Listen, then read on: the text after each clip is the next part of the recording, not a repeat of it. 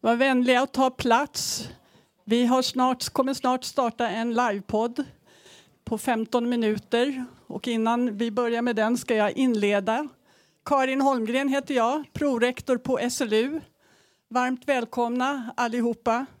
Ni vet ju att Sverige och världen står inför en stor och viktig omställning. Eh, pågående och prognostiserade klimat och miljöförändringar, en globalt växande befolkning ställer stora krav på hur vi människor tar hand om våra levande marker och vatten.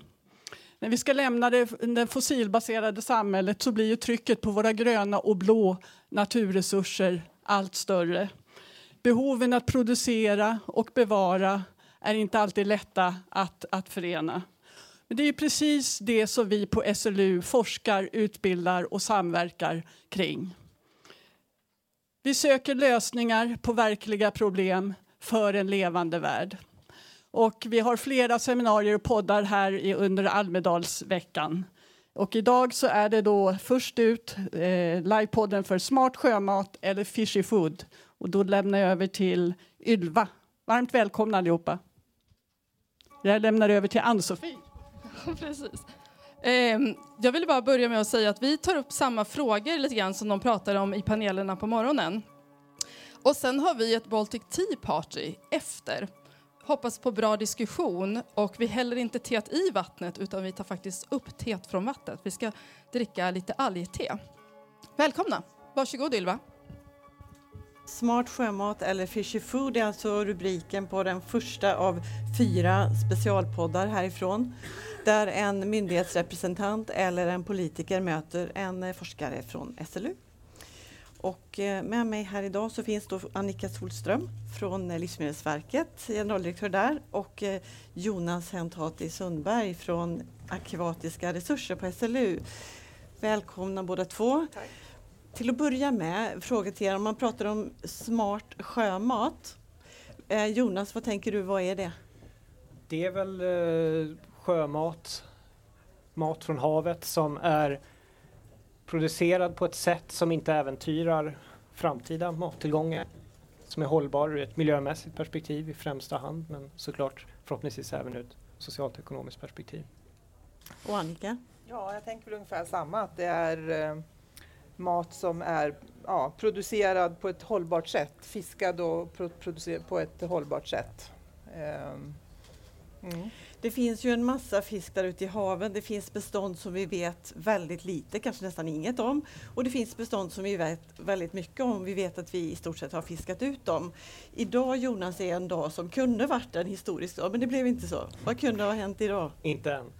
Nej, det är, det är man kan nästan bli trött på hur mycket man kan prata om torsken och tjata om torsken i Östersjön. Och det kan verka som att det bara finns den Men den är viktig och den har blivit ikonisk på något sätt.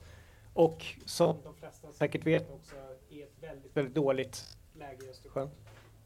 Och idag, det har varit mycket prat om nu, vad ska vi göra och vi kanske måste ta till nödåtgärder. Och idag så hade det kunnat kommit ett besked från EU-kommissionen att man gör, inför en nödåtgärd och stoppar allt fiske. Och det är en väldigt exceptionell händelse om det skulle hända, har knappast aldrig hänt förut, att EU-kommissionen går in och tar ett sånt här beslut. Det kommer inte idag, men det kommer, det är inte alls omöjligt att det kommer inom första, om en eller två veckor. Och Sverige är ett av de länder som har drivit på för att det här faktiskt ska ske. För att situationen är så oerhört kritisk just nu. Ja, jag tror du ska få ett nytt headset där Jonas. Mm. Eh, stanna kvar hos dig lite Jonas medan du får ett nytt headset här bara. Eh, ur historiskt eh, perspektiv så säger ju du att vi har... Så, nej, jag förstår Ta hand, handmicken nu. Ja, jag kan ta så här. Ja, och så ja, det är mycket på en gång. Ja. Eh, ett jo, historiskt ur historiskt perspektiv så har vi alltid tänkt så här att eh, vi ska vara rationella, vi ska ta ut mer ur haven men ja, nu är det fem över tolv och inser att vi kan inte fortsätta att tänka så överhuvudtaget. Jo, lite, lite så är det ju. Det, det har varit en kan man säga, dyrköpt erfarenhet där att, att haven är inte obegränsade och man har haft en politik så säga, under stor del av 1900-talet som handlar om mer och mer och effektivisera och ta ut mer och rationalisera. Sen är det de senaste 20 åren kan man säga som man börjar få en grön svängning i fiskeripolitiken och det har ju delvis gett effekt på vissa bestånd men det finns ju också en fördröjningseffekt som gör att och torsken är ett sånt här svårt case och där, där ligger vi så dåligt till idag som vi aldrig egentligen har gjort. Det har gått ganska snabbt också. Men om vi ska äta smart sjömat och i det lägger att vi ska nyttja havets resurser klokare eh, och mer innovativt. Eh, vad finns det där ute som vi inte... Vi har ju hört, för de som är här nu så har vi hört på tidigare seminarium om vissa fiskar men vi kanske inte bara ska tänka fiskar heller?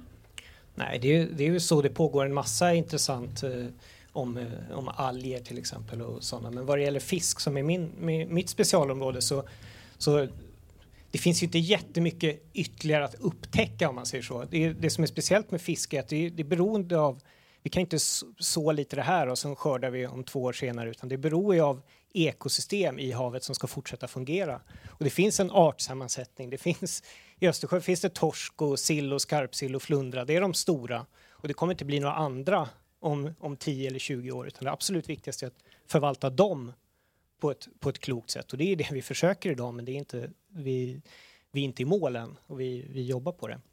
Men sen finns det såklart så kan man ju tänka bredare och tänka mört och braxen och som, som det här tidigare seminariet handlade om.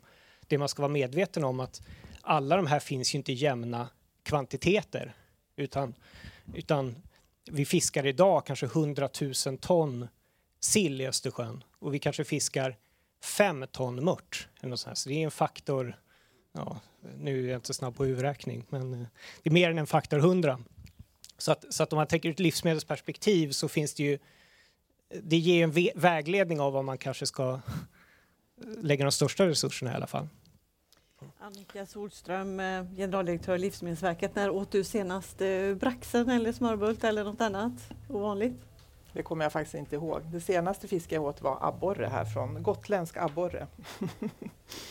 Livsmedelsverket, eh, har ni någon sorts roll i att påverka våra matvanor, få oss att upptäcka, ändra konsumtionen av fisk till exempel? Mm.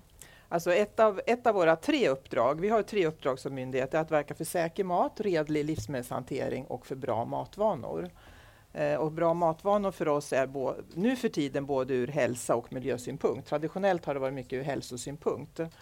Eh, och just när det gäller det uppdraget så följer vi dels vetenskapen om vad, vad som är hälsosamt och miljömässigt bra att äta och sen så utfärdar vi olika typer av råd och riktlinjer. Dels riktade direkt till konsumenter men också till offentlig sektor och olika yrkesgrupper som på mödravårdscentraler och barnavårdscentraler, hälso och sjukvården och så. Så att, eh, ehm, och, vårt upp, och i och med att vi ska främja bra matvanor så är ju fisk väldigt viktigt. För att eh, vi, ur hälsosynpunkt så bör vi äta mer fisk. Eh, vi äter knappt två gånger i veckan och vår rekommendation är att äta två till tre gånger i veckan. Och fisk är ett fantastiskt livsmedel för det, det, bidrar till väldigt många viktiga näringsämnen som man kan ha svårt att få i sig tillräckligt av om man, fakt om man inte äter fisk. Så att, eh, det är mycket fokus på att försöka få de som äter väldigt lite fisk att äta lite mer fisk. Det är kanske det allra viktigaste. Men, Men här, det här är ju en utmaning. Eh, här krockar miljö och hälsa. Ofta så går miljö och hälsa hand i hand när vi ger våra, våra råd. Men när det gäller fisk så är det en utmaning ut, utifrån det vi har, det vi har hört. Mm. Så att jag ser väl att man behöver utveckla att äta andra sorters fisk men också kanske utveckla vattenbruk på olika sätt. Det, det kanske är så att vi kommer inte ha tillräckligt med fisk i havet utan vi måste också satsa på vattenbruk. Men eh, i Östersjön då så finns det stora mängder sill och skarpsill Jonas. Som, eh, kan vi äta den? Säkert. Ja, där, där, är ju, där finns ju en väldigt kritisk fråga och det handlar om dioxin. Och det är någonting som tror Annika är större expert på än, än vad jag är egentligen. Men, men eh, det är, problemet är att det är fet fisk och problemet är att Östersjön är ett innanhav som gör att det är ganska låg omsättning och det vi släpper ut där det har en tendens att fastna där. Och dioxin är en, i och för sig ett ämne då, som har massa olika källor. Men det är ett stort problem att vi har väldigt höga dioxinhalter som gör att nu finns det ju del tvister om exakt hur farligt det är, men det är i alla fall inte speciellt rekommenderat att sätta i sig stora mängder dioxin. Det finns gränsvärden på EU-nivå och så vidare. Och där finns det ju ett problem med de här feta fiskarna som, som sill och skarpsill, att de innehåller ganska stora sådana mängder. Och det kan jag tycka är ett väldigt sorgligt miljöproblem på något sätt. Att vi har faktiskt släppt ut ämnen i naturen som gör att maten som finns i, i Östersjöns ekosystem inte är tjänlig nästan. Och då kan man ju undra hur kan vi då göra det till fiskmat? Men man kan ta bort dioxinerna i den processen. Ja, så, så det som... Nu kanske jag försvann. Nej. Uh, så det som sker idag att man fiskar upp det här med, med i ett trålfiske och sen skickar man in det i en fabrik i Danmark och sen processerar man det till ett fiskmjöl och en fiskolja. Och i den process, kemiska processen så renar man kemiskt bort den här dioxinen. Och sen exporteras det och så äter laxarna i Norge framförallt och vissa andra upp det här fiskmjölet och sen skeppas den här laxen till Sverige. Och om, man, om vi kunde äta bara en bråkdel av den här strömmingen och, och skarpsillen från Östersjön direkt istället för att gå igenom det här komplicerade flödet så skulle ju det innebära otroligt mycket och mer än vad vi någonsin kan skrapa ihop i ovanliga arter idag egentligen. Och det tror jag är viktigt att ha med sig de, de proportionerna. Mm. Annika, hur ser det ut med dioxinhalterna i Östersjöfisken, den feta? Går det åt rätt eller fel håll? Eh, det vet vi inte. Det finns en viss indikation på att det skulle gå åt rätt håll, eh, men det är lite för tidigt att säga. Eh, vi har ju ett undantag i EU att få sälja den här fisken till konsumenter överhuvudtaget. Eh, den får inte säljas eh, till resten av, av EU på grund av de höga dioxinhalterna. Och vi har som myndighet då också en skyldighet att informera känsliga grupper som unga kvinnor och eh, föräldrar till, till små barn om restriktioner i hur ofta man kan äta det här. Annars skulle vi inte få släppa ut den här på marknaden. Och det är ju sorgligt. Eh, och det är klart att kunde vi rena, rena fisken även så att det kunde bli människoföda och inte bara fiskmjöl så vore väl det jättebra. Men, men jag vet inte om vi är beredda att äta, äta fiskmjöl som människor. Nej. Men eh, Jonas, du hade ändå lite vision att om vi kommer dit att vi har fiskarter med eh, helt okej eh, halter av miljögifter i, ett styrmedel för att få oss att äta mer av det skulle vara någon sorts reglering kring Alltså det, det, jag tycker det skulle vara intressant att ha diskussionen åtminstone. Att idag, idag är det ett, vi har ett fiske och vi får en, en, en kvot, en fiskekvot och Sverige har en fiskekvot på, säg då 100 000 ton på, på sill, sill och skarpsill. Men det finns ju inget i det som säger vad ska den här ta vägen eller ska vi använda den till? Och värdet för samhället kan ju vara väldigt olika om den går in i en, en fiskmjölsfabrik och, och, exporteras än om vi skulle äta den lokalt. Och det är ett, olika värden även för, för de som fiskar upp den och så vidare. Så jag tycker det, kan, det skulle vara intressant om man ser tillbaks i tiden för, för eh, om man läser fiskeripolitiken på 1930-1940-talet, då handlar det väldigt mycket om att ja, vi ska, det är viktigt för Sveriges eh, självhushållning, vårt fiske och så vidare. Men, men det där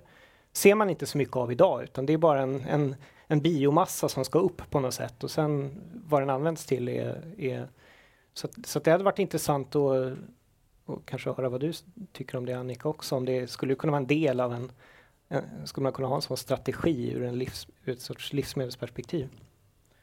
Eh, alltså jag tänker att, att, Sverige har stridit för att få ett undantag i EU för att få sälja den här fisken ändå på marknaden är ju ett slags jo, politik faktiskt.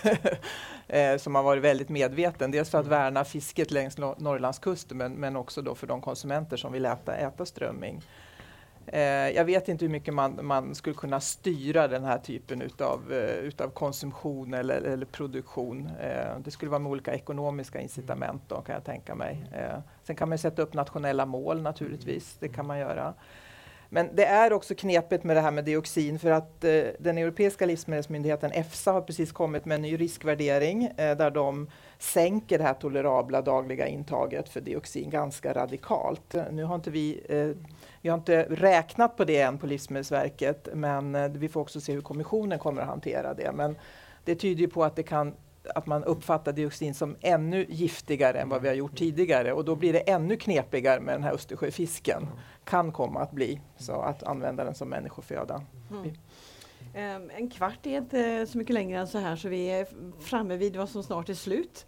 Men eh, slutord från er. Jonas, vad tycker du? Vad vill du skicka med alla som vill fortsätta äta mat från havet men inte slå sönder ekosystemen eller äta osmart på något annat sätt? Alltså det, det, det, var, det är alltid bra att vara intresserad och vara kritisk och fundera på vad som finns. Och det finns ju det en massa intressanta innovationer som, som pratades om här tidigare med nya arter och var, var nyfiken och uppmärksam. Men det finns inga super, superlösningar på någonting heller utan grunden är ett miljömässigt eh, hållbart fiske och då handlar det om att från, fa från fall till fall lyssna på vetenskapen och, och rådgivningen och, och, få till en förvaltning som följer eh, en vetenskaplig rådgivning för att, för att få till hållbara produkter som är hållbara på lång sikt. Och Annika Solstrand från Livsmedelsverket, vad Ja, tänker du? Ät, ät mer fisk, det är vårt råd eh, till de allra flesta konsumenter. Men välj fisk då som är fiskad eller, eller odlad på ett hållbart sätt. Det finns olika typer av certifieringar som man kan titta på till exempel. Då är den här första specialpodden från eh, Future Food slut. Men vi är tillbaka med en till klockan halv tre. Och då handlar det om eh, för mycket eller för lite vatten. Hur klarar jordbruket det? Tack så länge.